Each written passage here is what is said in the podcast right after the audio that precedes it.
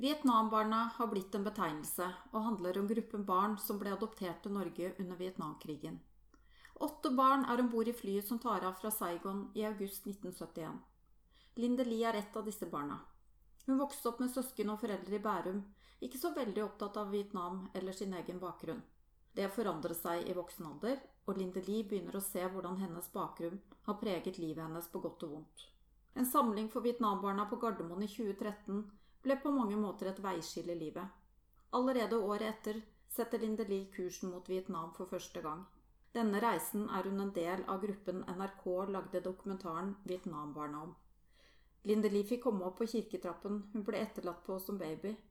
Denne trappen skal vise seg å bety enormt mye for henne fremover, og en bit av hennes historie hun faktisk kan ta og føle på. I dag har vi besøk av deg, Lindeli, og skal høre din historie. For du har en historie fra Vietnam. Mm. Kan ikke du ta oss tilbake til det du vet fra helt begynnelsen? Jo, absolutt. Eh, Jeg kom jo da til eh, Norge i 1971. Da var jeg bare fem måneder gammel. Jeg kom eh, til Norge 29. august. Og ble jo da fraktet til en stor familie i Bærum. Eh, Hvor jeg har fem søsken, eh, hvor to søstre også er fra Vietnam. Eh, Og mine adoptivforeldre har tre biologiske sønner, så jeg kom til en storfamilie. Var du yngstemann når du kom? Jeg var eh, og er yngst.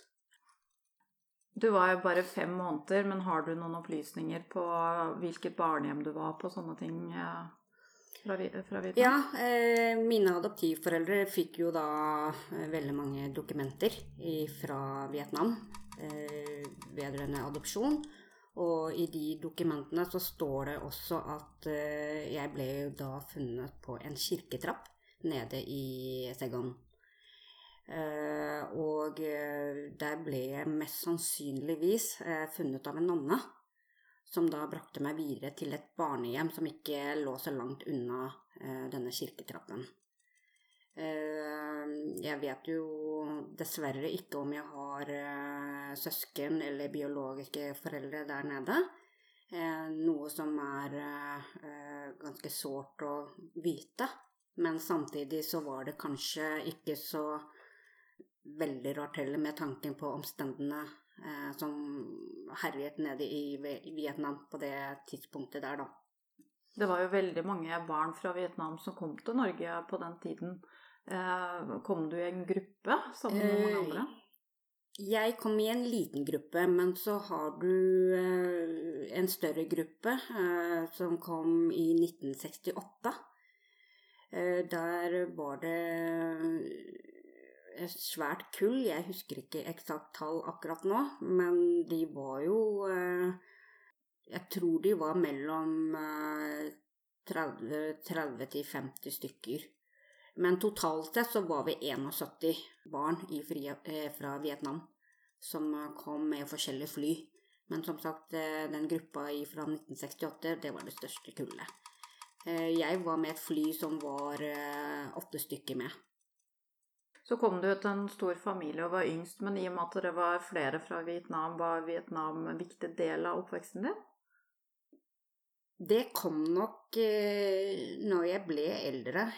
Det var mer enn når jeg ble voksen, faktisk. Eh, fordi eh, jeg oppvokste i et hjem hvor jeg fikk eh, norsk mat, alt var norsk. Jeg følte meg norsk, og eh, når noen spurte eh, hvor jeg kom fra, så sa jeg at ja, men jeg kommer fra Norge. Ja, men du har jo et annet utseende. Ja, jeg er jo norsk. Jeg kommer jo fra Vietnam, men jeg er jo norsk. Så jeg ville liksom ikke prate så veldig mye om Vietnam. Det var liksom ikke stor interesse eh, for det den gangen. Eh, Men så har jo jeg slitt litt eh, både med angst og redsel, psykiske problemer, og er livredd for høye lyder, og spesielt lyn og torden. Eh, Jeg ble også mobbet gjennom hele oppveksten min, eller på barneskolen så jeg har vel på en måte fortrengt alt sammen inntil en vakker dag i eh, ja, 2000, nærmere året 2000, hvor min samboer eh, mente at jeg at det var på tide å nøste opp i bakgrunnen min.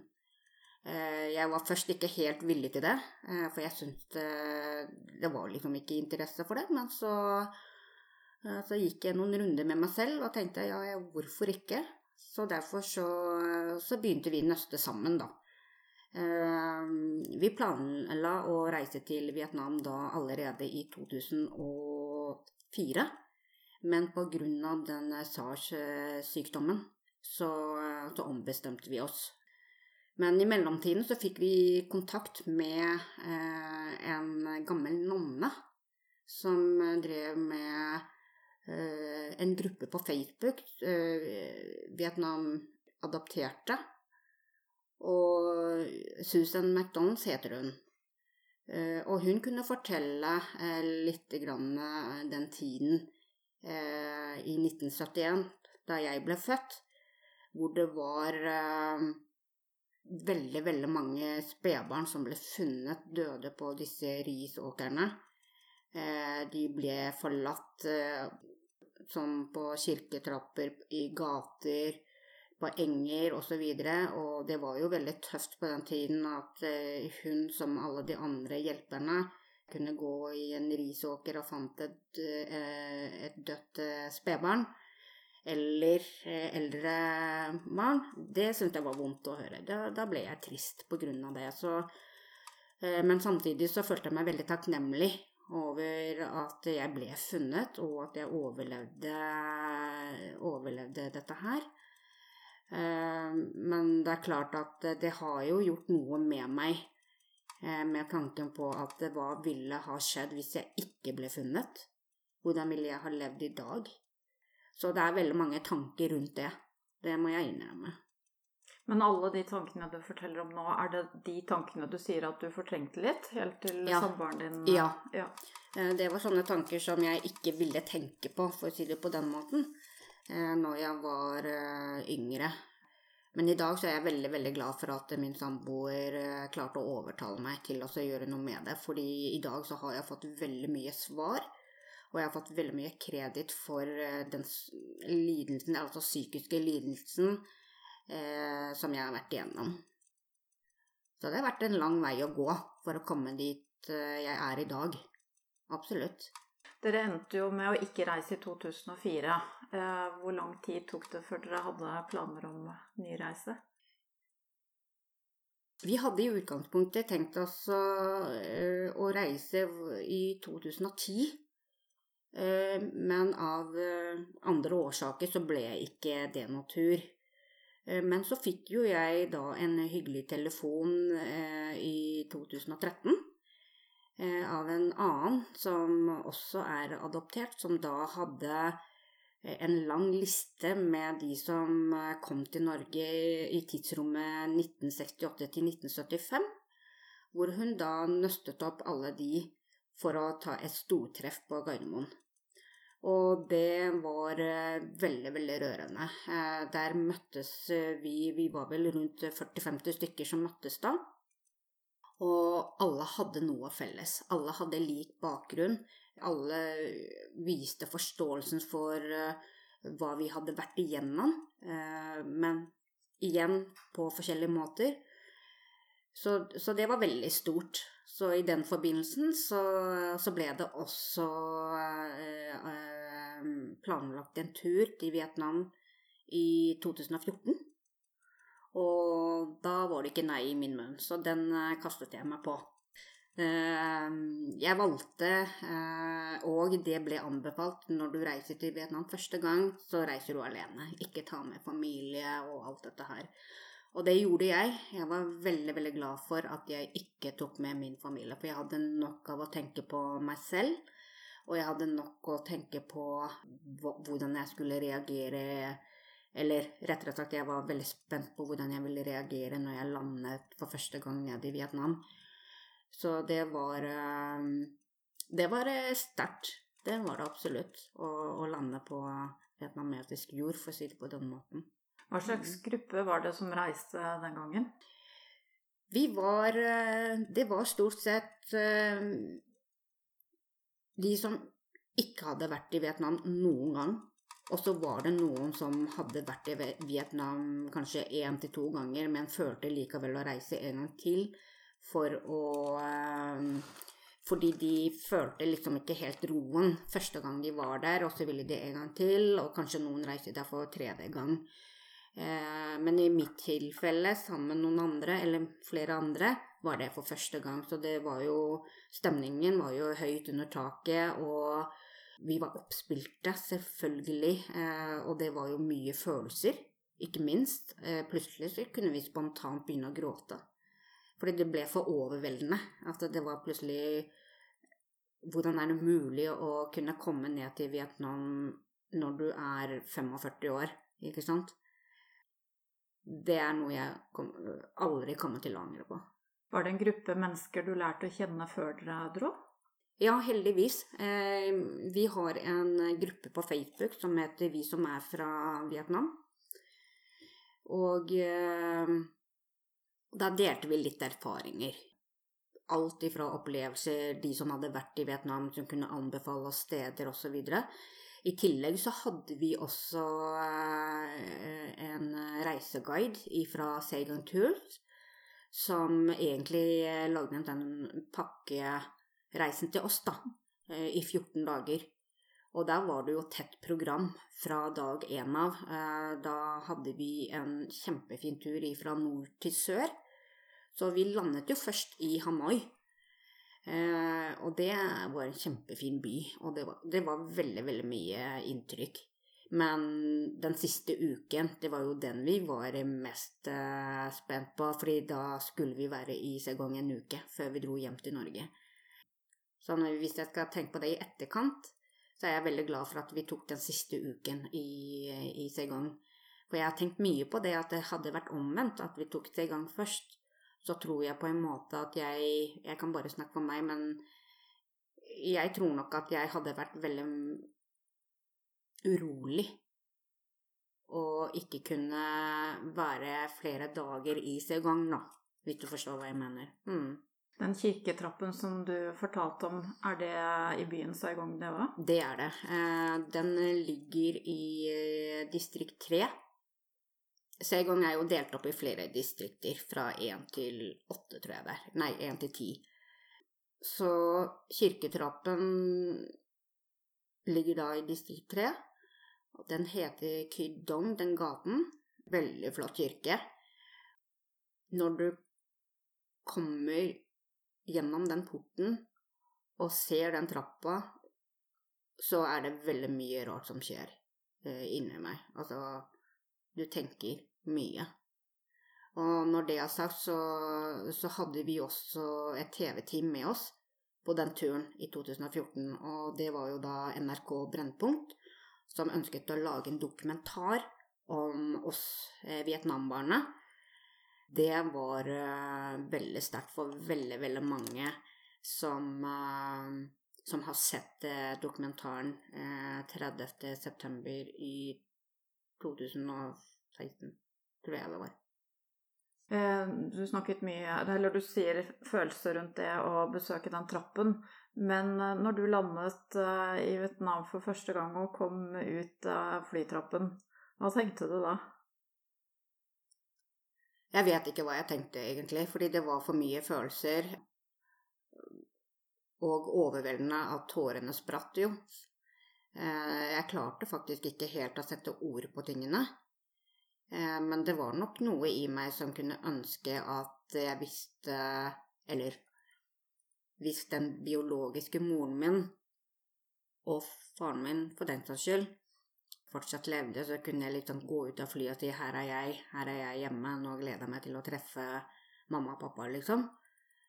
Men, eh, men det var nok en eh, drømmetanke, eh, i og med at jeg visste at det var veldig, veldig små sjanser at de fortsatt lever, da.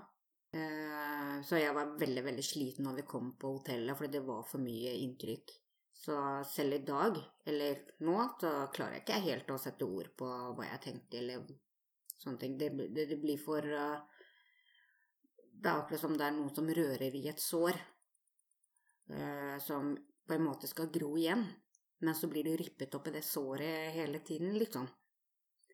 Fikk du besøke det barnehjemmet du var på der nede? Ja, eh, det fikk jeg gjort.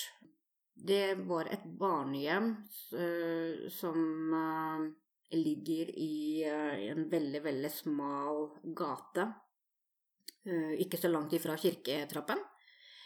I dag så eksisterer den ikke.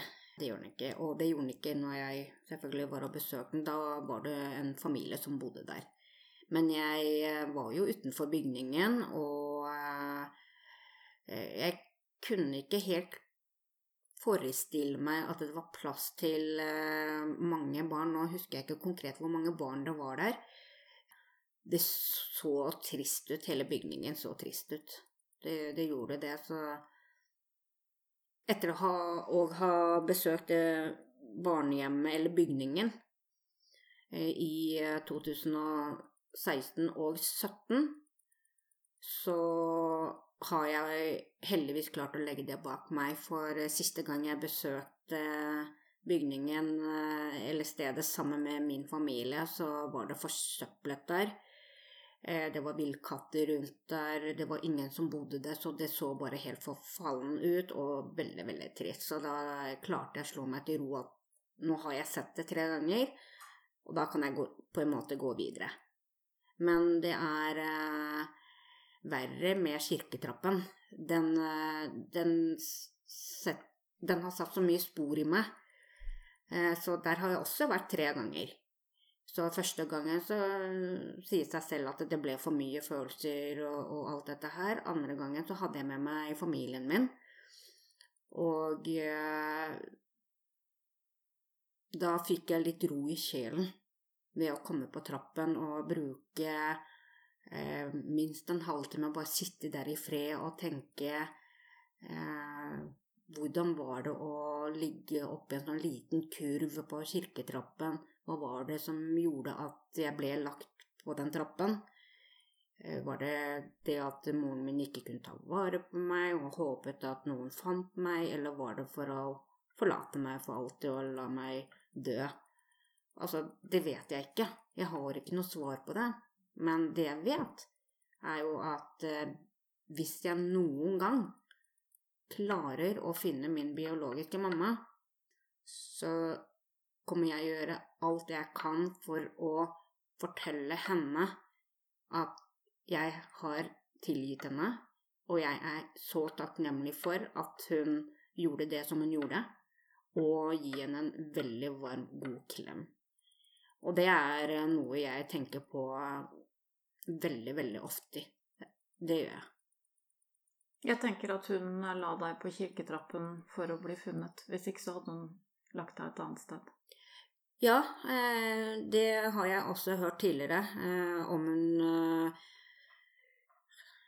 Jeg har faktisk tenkt den tanken Hvis hun hadde lagt meg på en risåker, så hadde sjansene vært mindre til at jeg hadde klart å overleve, for å si det sånn. Så jeg får jo litt gåsehud bare jeg snakker om det, faktisk. Så akkurat dette her med kirketrappen og dette her eh, det biologiske eh, foreldrene mine, om de lever, eh, hva de nå måtte gjøre Kanskje jeg har søsken, tanter, tanter og onkler osv. Det vet jeg ikke. Men jeg jobber med saken. Det er veldig, veldig vanskelig. Vi var i 2016 så var vi inne i kirken, og da satt min sønn og jeg lenge inne i den kirken. Eh, jeg går ikke inn på hvordan han reagerte, for, for det blir for sterkt, men, uh, men jeg husker i alle fall at at vi holdt hverandre i hendene. Og, og, jeg sa til min sønn at mamma har det bra. Men det var veldig viktig for meg at dere fikk se kirken, og kirketrappen, ikke minst. Når vi var der, så var det så var det veldig mange vietnamesere der som ba. De er veldig opptatt av å be. Det, det, altså det her er jo katolsk kirke. Eh, de tente lys. Det var en veldig stillhet inne i kirken. Og eh, Jeg syntes det var så deilig å kunne sitte der og bare la tankene flyte. Men det var ikke hva som helst tanker. Det var rett og slett igjen dette her med den biologiske familien min. Mm. Hva slags muligheter har du for å finne biologisk opphav? Hva, hva kan du gjøre? Jeg tok jo en sånn DNA-test via DNA Family, uh, som jeg hadde fått tips om fra andre i gruppa, eller den norske Vietnam-gruppa, som jeg kaller det. Som jeg gjorde. Uh, det kostet litt, men det var verdt det, for å si det på den måten. Fordi uh, når resultatet kom, så vis, viser det seg at jeg har jo veldig mange kusiner, men ikke nære, eh, nære kusine. Det er kanskje fem, seks, syv, åtte, ni generasjon tilbake. Men bare det å vite at det faktisk fungerer, det gjorde meg opprømt. Uh, I tillegg, i 2017 når jeg var der igjen med familien, så var vi innom uh, et TV-team uh, ja, På norsk så kalles det Tore på sporet. Og der ble jo jeg intervjuet på engelsk, eh, hvor jeg kom fra, hvorfor jeg ville lete etter mine foreldre, osv. Og, og eh, de skulle kjøre et sånn TV-show på luften. Dessverre så har ikke jeg hørt noe mer fra dem, men jeg har ikke gitt meg enda. Og så fins det da eh, Altså det TV-show-teamet, da, de har en nettside på, på nettet som jeg eh, hele tiden går inn på og søker Kanskje det er noen som søker etter meg eh, via ta årstallet, hva du het, eh, det virkelig opprinnelige navnet på vietnamesisk osv. Men jeg håper jo selvfølgelig at eh, en vakker dag så klarer jeg iallfall å finne noen, om ikke akkurat biologiske moren min, men iallfall noen i den familien. Hmm. Det er iallfall drømmen min. Eh, du hadde jo med familien eh, når du reiste der i 2017. Mm. Hvordan eh, var det for dere å møte Vietnam sammen? Det var jo selvfølgelig fantastisk. Altså, Vietnam, eller Saigon, er jo, er jo en veldig stor by. Vi var der rundt bursdagstidene mine, rundt 7. april, og det er veldig, veldig betydningsfullt, eller veldig heldig at eh, vi fikk den turen slik at vi kunne komme oss på trappa 7. april. Eh, men vi fikk jo litt, eller iallfall jeg ble veldig stressa fordi at vi leste at på det tidspunktet så hadde, så hadde de ferie, alle sammen disse vietnameterne, som inkluderte at kirken var stengt. Og da ble jeg stresset.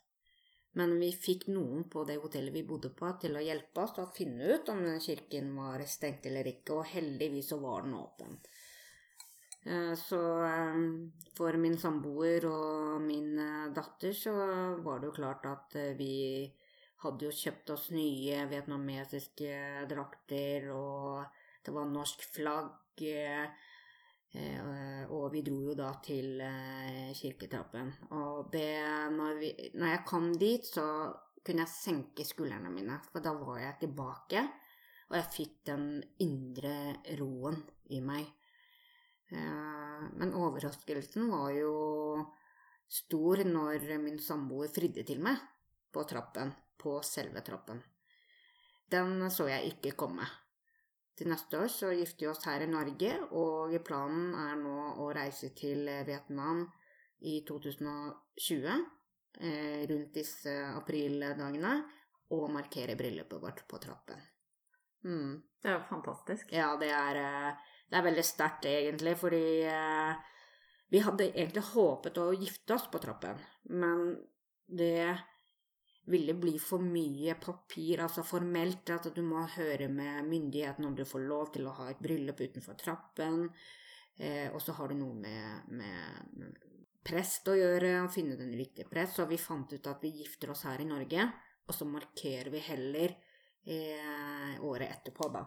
Og da blir jo alle barna med, med sine følger, og våre forlovere blir jo med. Det er iallfall planen, så vi håper at vi får det i boks, da. Mm. Det er ikke noe rart at den trappen kommer til å bety uh, alt? Den trappen betyr alt, og jeg må også innrømme det at jeg har hatt dager eh, hvor jeg faktisk har vært veldig rastløs. Eh, jeg blir fort irritert, og tålmodigheten min er kanskje ikke på, den sterkeste. Og den blir iallfall ikke sterkere når jeg ikke på en måte får uttrykt meg hvorfor jeg er som jeg er. Og da er det rett og, eh, rett og slett savnet mitt som uh, At jeg lengter tilbake til Vietnam. Og jeg har heldigvis enorm støtte fra, fra mine foreldre her i Norge, som har fortalt veldig mye hvordan jeg var som barn. Og dette her at jeg var en urolig sjel, eh, veldig innelukket, jeg ble fort redd, jeg gråt mye. Eh, allerede når jeg var elleve år, så sa jeg at jeg tror jeg kommer til å få et vanskelig liv. Og det kan jeg underskrive på. Men til gjengjeld så har jeg også klart å komme meg opp og blitt sterkere. Og det var jo min mor eh, Hun har jo oppfordret meg til å flytte ned til Vietnam for en periode bare for å føle på kroppen hvordan det er å leve som en ekte vietnameser. Og jeg har veldig, veldig lyst til det. Eh, men tiden får vise, tenker jeg. Så alle forstår, eller alle de som kjenner meg, forstår når jeg sier trappen min, så er det trappen på eh, Altså i, nede i Vietnam som, som, det gjelder, da. Nå er det noen fra eh, Vietnam-barna som også kommer fra samme kirke og barnehjem. De ble ikke funnet på den trappen, hvis ikke jeg husker feil. Men for meg så betyr det veldig, eh, veldig mye. Nå føler du jo veldig sånn tilhørighet til den trappen der. Men, det er det jeg gjør. Men føler du noe tilhørighet til eh, landet og byen og ja. mat og mennesker og alt? Ja, det gjør jeg også. Det kommer jeg til nå. Eh, vi har jo snakket om at vi skal eh, reise på ferie. Noen, av barna har lyst til å reise til Syn og osv. Jeg er vel rask ute når vi snakker om ferie, at nei, vi drar til Vietnam. Eh, for meg så, så har ikke jeg lyst til å reise til Tyrkia eller til Spania og sånne type ting. Jeg har lyst til å reise til Vietnam. Det er der jeg vil tilbake. Det er der jeg føler at jeg hører hjemme. Eh, men samtidig så må jeg også tenke på min familie. Og da, da, når vi da snakker om det hjemme, så blir jeg urolig. Det er, eh, det er på en måte at du du er avhengig av noe, så klarer du ikke å stoppe før du får, får noe innabords, da. Ikke sant? Det er som narkotika. Ikke sant? At du, du er litt avhengig av å måtte komme ned dit, og så klarer du ikke å legge fra deg hvis du drar et annet sted, og det har jeg merket veldig.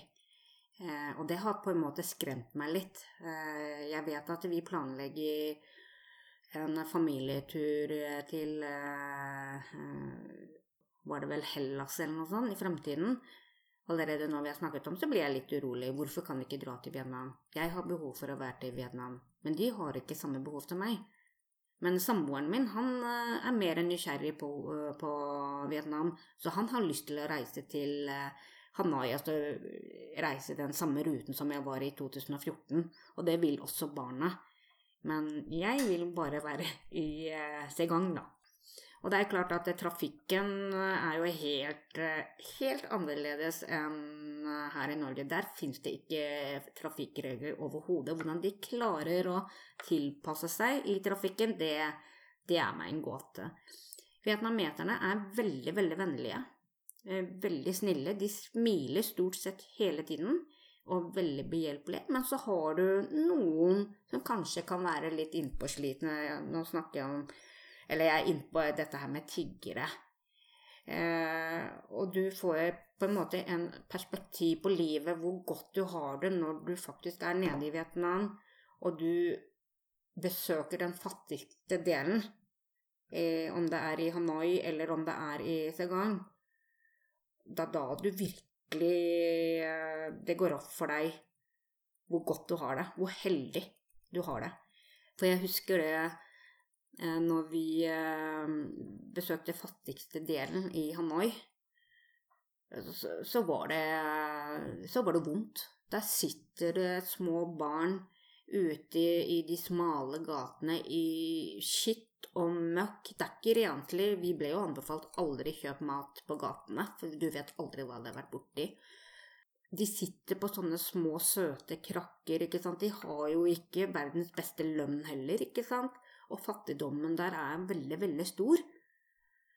Eh, og du ser jo da en familie som kanskje sitter og sover på en benk, eh, og de skal prøve å selge det de klarer å selge, alt fra tobakk til smykker eh, osv. Men de får jo ikke solgt så mye, og så er det selvfølgelig konkurranse mellom vietnameserne hva du får solgt, da. Jeg har jo erfaring med at stopper du et sted og vil kjøpe f.eks. et smykke eller klær, så kommer kanskje sidemann eh, ved siden av den bonden og så begynner de å slåss, ikke sant? Nettopp fordi at eh, det er jo hennes kunde eller hans kunde og sånne ting. Det merket vi. Og de spiser jo hele tiden, har jeg inntrykk av. Og det skjønner jeg jo, fordi at de lever jo stort sett bare på sunn kost. Det er jo Ja, ris er jo én ting, men det er jo veldig mye grønnsaker. Uh, og um, da sitter de gjerne ute på gatene uh, med en liten bolle og spiser uh, suppe, eller om det er vårruller, eller hva det måtte være. Og vi var jo også hvor de serverer larver, eksempel. Det var kanskje ikke min delikatessefavoritt, men men det var veldig fascinerende å se alle disse vietnameterne i den fattigste delen, hvordan de klarer seg. For de sitter der og smiler uansett. Så det er ganske sterkt. Det er det.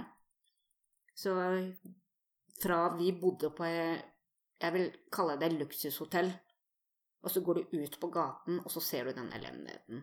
Da får du litt sånn klump i magen, altså. Og det har jeg tenkt mye på, at hva om jeg ikke ble funnet?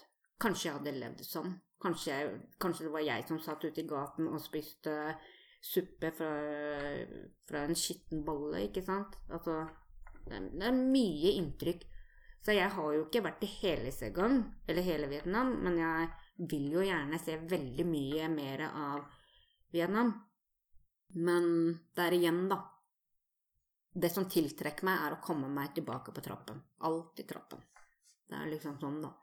Så neste gang vi drar dit, så, så har jeg sagt til min familie at eh, jeg vil være der minst én time eh, om dagen. Har jeg lyst til. Du sier jo, eller du fortalte i sted at eh, du, din oppvekst var ikke spesielt preget av Vietnam, og, og, at dere var adoptert derfra. Men når du skapte din egen familie, har du innført det med dine barn? At den historien din med Vietnam og hvor de kommer fra og sånne ting. Er de mer bevisst på det enn det du var? Ja, og det har jo noe med det at de har jo spurt hvor jeg kommer fra. Fordi jeg er jo mørk, eh, og jeg har jo litt skjeve øyne og så videre. Eh, men det har jo vært mer nysgjerrighet og, og godt ment. Eh, og jeg opplever at mine tre barn har vært veldig interessert i hjemlandet mitt. Men det var jo etter jeg selv begynte å nøste i tingene, at jeg da begynte å fortelle mer til mine barn. Og min sønn, han er veldig lik meg, eh, både utseendemessig og væremåten. Eh, og for han så var det veldig stort å komme til Vietnam.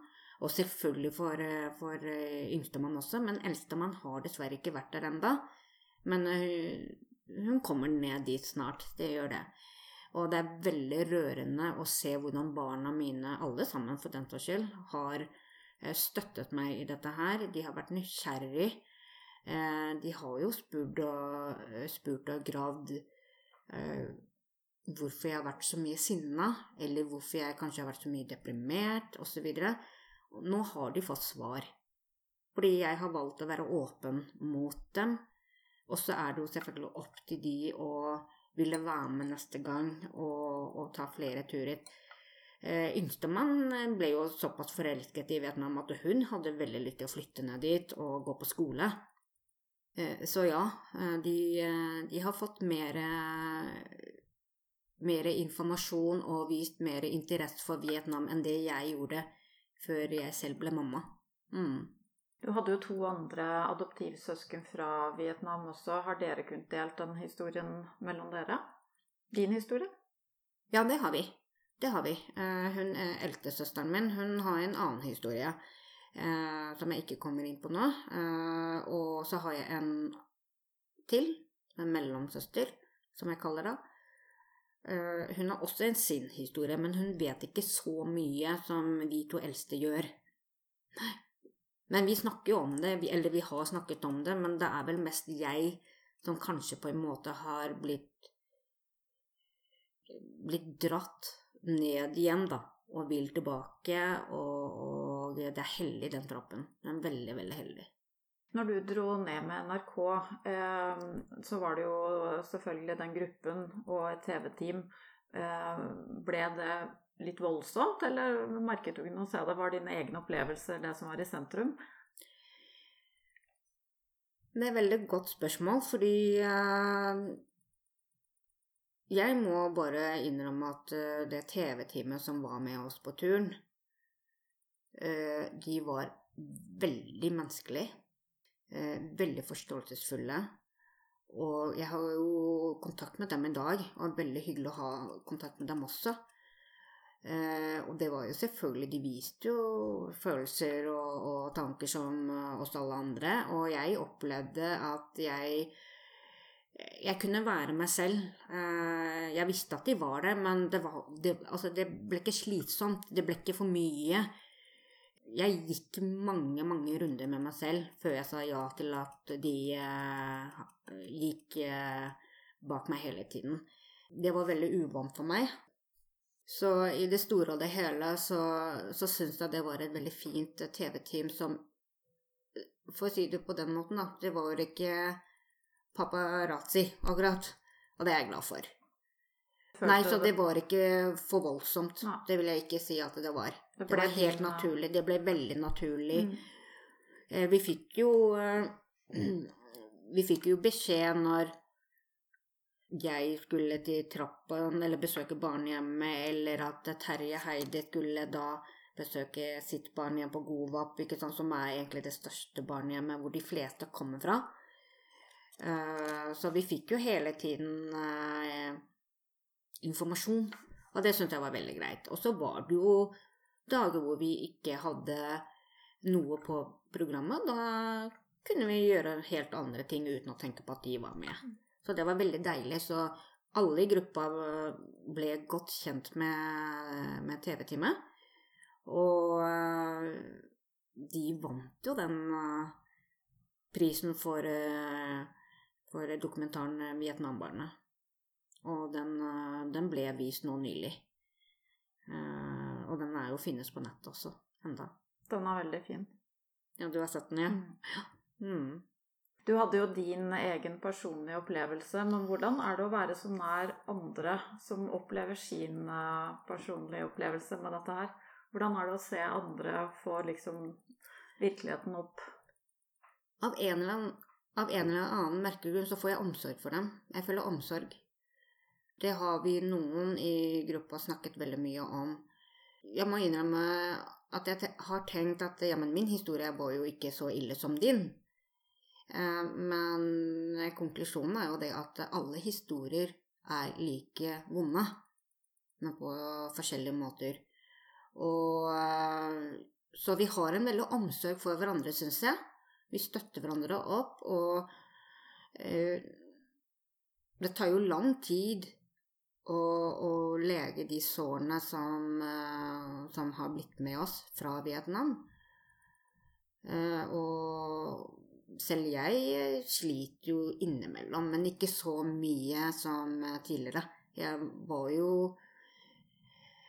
jeg var jo noen år helt uføre, nettopp fordi at jeg slet såpass mye med depresjoner og angst og, og alt dette her, men i dag så er jeg full jobb og, og trives med det. Men den uh, samhørigheten, den syns jeg er fin. Absolutt. Dere har jo i anførselstegn delt samme opplevelse, da. Altså det å komme tilbake første gang. Mm. Er det en gruppe som uh, du henvender deg til i forhold til de tankene der? Både ja og nei. Eh, nå nå er det jo ikke noe hemmelighet at uh, i og med at vi er såpass stor gruppe, så, så finner man, så finner man mennesker som, som du har kjemi med, da.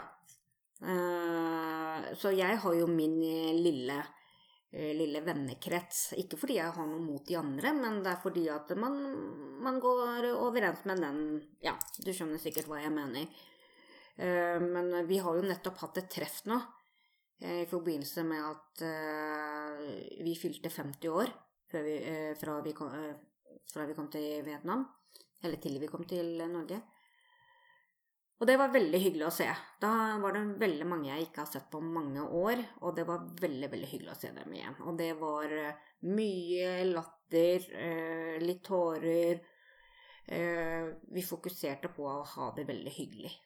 Du hadde en artikkel i Romerikes Blad i dag eh, i forbindelse med den boken som ble gitt ut. Mm. Eh, der har du hatt eh, samarbeid med forfatteren.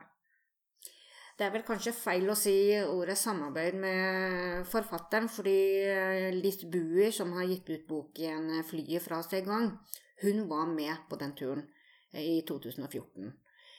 Og for å gjøre en lang historie kort, så var det Altså, grunnen til at hun begynte å skrive den boken, det er fordi hun har en kusine som er adoptert fra Vietnam. Og eh, jeg er ikke med i den boken, men vi ønsket å gi budskap til, eh, til alle, eller til hele verden, da, og fortelle at vi Vietnam-barna, vi har lyst til å fortelle vår historie slik at vi blir mer forstått. Hvorfor vi har vært som vi har vært i våre tunge dager. Det har vært veldig mye snakk om eh, krigsskadde barn. Jeg, det, var, det, er jo veldig mange av oss som er skadet, eh, som ble skadet eh, fysisk og psykisk. Det sier seg selv. Eh, så budskapet har på en måte vært at vi vil mer frem. Vi vil vise oss at vi faktisk har stått sterke sammen. Og fordi at Vietnamkrigen er jo et kjent tema som alle eh, vet om, for å si det sånn, da. Det var rett og slett også bare å få ut det budskapet. Jeg har ikke lyst til å røpe så veldig mye mer, fordi den boken er veldig, veldig fin. Eh, jeg har selv lest boken, eh, og jeg kjenner meg igjen i veldig mange av Eh, de som er i boken, eller som det handler om, og som jeg også kjenner godt.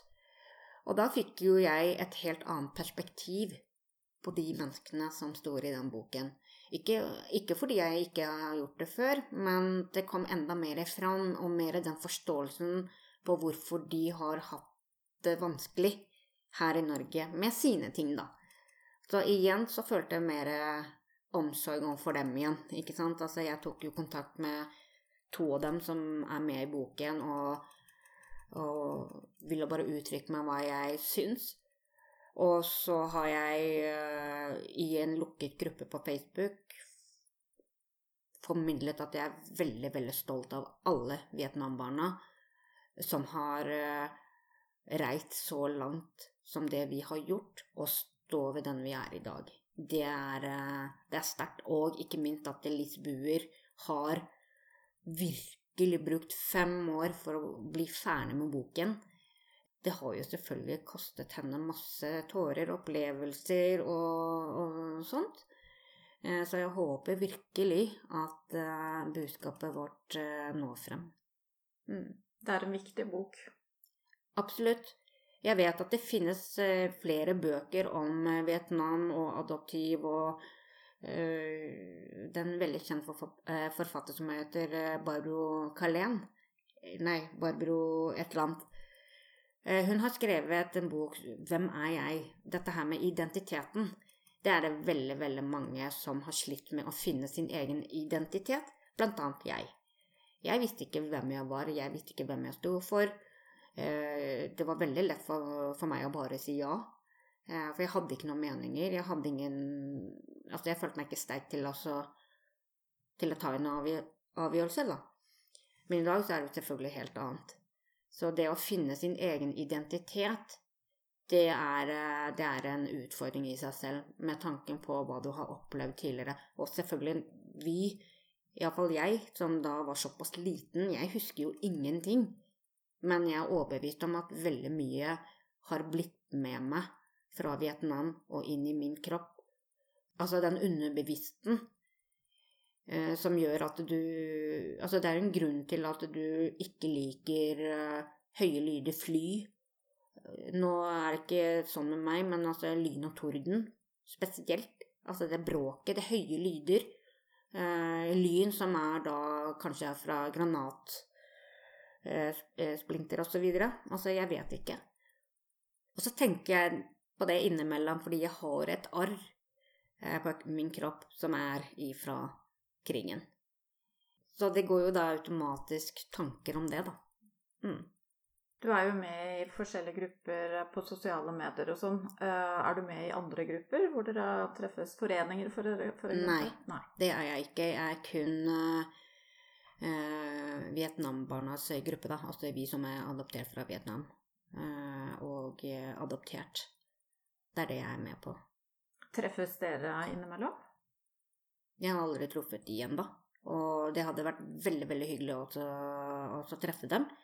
Med, med tanken på at jeg tror det er veldig veldig mange adopterte rundt omkring, uansett om du kommer fra Norge, Korea eller Frankrike for den saks skyld, som kanskje på en måte har det felles målet å bli kjent med noen som kan gi gjensidig forståelse.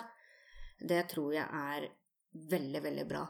Én ting å sitte bak en skjerm eller eh, chatte på sosiale medier, det er én ting, men å se dem face to face tror jeg er veldig, veldig viktig. Jeg husker hvor viktig det var for meg å, å møte Vietnambarna for første gang i 2013. Jeg kunne ikke sove på nesten fire dager, og det er bokstavelig talt, samtidig som jeg hadde jobb, nettopp fordi jeg gledet meg. Og forventningene var kjempestore, og det var ikke én ting som jeg ble skuffet. Og da tenker jeg dette her med den gruppen som jeg er med i Adoptert, så tenker jeg at det, det hadde vært så gøy å kunne samle alle sammen på ett sted. Hvor man kunne bli kjent, utveksle litt erfaringer, eh, kanskje gi hverandre litt tips hvis det er noen som stagnerer eller har litt vanskeligheter for å komme seg videre. Altså, det er veldig mange muligheter for det, da, tenker jeg, da. Nå har jo du planlagt uh, ny retur til Vietnam sammen med familien din. Mm. Eh, hvor alvorlig tenker du på planen med å kanskje være der over et lengre tidspunkt? Da tenker du på um, Å bo der en stund? Å bo der en stund, mm. ja. Det blir jo i så fall alene, da. Eh, vi har jo snakket om det hjemme. Eh, og eh, min samboer, han eh, har jo selvfølgelig jobben her sånn, og barna har jo jobb og skole. Jeg har jo jobb i dag også, men dette her handler jo egentlig om hvis man har økonomisk eh, bistand til det, da. Jeg har tenkt mye på det. Eh, det er ofte at jeg faktisk eh, nevner det for min samboer. 'Å, nå har jeg så lyst til å flytte til Vietnam. Kan ikke du være så snill å bli med?'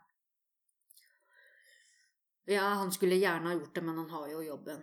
Men støtter du meg om jeg faktisk gjør det? Det gjør han absolutt. Fordi han vet hvor mye det betyr. Jeg kjenner ingen andre, for å være helt, helt ærlig, eh, som har engasjert seg så mye og gjort veldig, veldig mye for en som har det samme behovet som, eh, som det jeg har. Eh, jeg kan ikke beskrive det, og jeg er evig takknemlig for at han eh, fikk meg på glid når det gjelder Vietnam. Men ja, hadde jeg eh, hadde jeg hatt eh, god økonomi og, og, alt dette der, så hadde jeg søkt en permisjon på jobben, og så hadde jeg selvfølgelig bodd der i tre måneder. Det, det er min store drøm. Og jeg, håper, jeg håper, det skjer før, før, jeg blir gammel og grå, for å si det sånn. Hvordan er det med språket? Kan du noe vietnamesisk? Jeg kan ingenting. Jeg kunne ønske, men det er veldig, veldig vanskelig eh, vietnamesisk. Så derfor så er det litt morsomt når vi har vært nede i Vietnam de siste årene, eh, og eh, de vietnameserne spør hvor jeg kommer fra. Så sier jeg at jeg kommer fra Vietnam. Nei, det gjør jeg absolutt ikke. Jo, jeg kommer fra Vietnam. Og så begynner de å snakke vietnamesisk. Jeg skjønner jo ingenting. Til og med yngstedatteren min var jo såpass interessert i eh, Vietnam at hun, at hun tok språk, læring av språk på vietnamesisk, da, på, på nettet. Mm. Men jeg kunne ønske det, men det er for vanskelig, og den tålmodigheten har ikke jeg, dessverre. Jeg har ikke det. Da vil jeg ønske deg lykke til med, frem, med bryllup. Jo, tusen takk. Eh, to ganger. Jo, både her i Norge takk. Og i Vietnam. Og så tusen takk for din historie. Tusen takk. Og takk for at jeg fikk komme.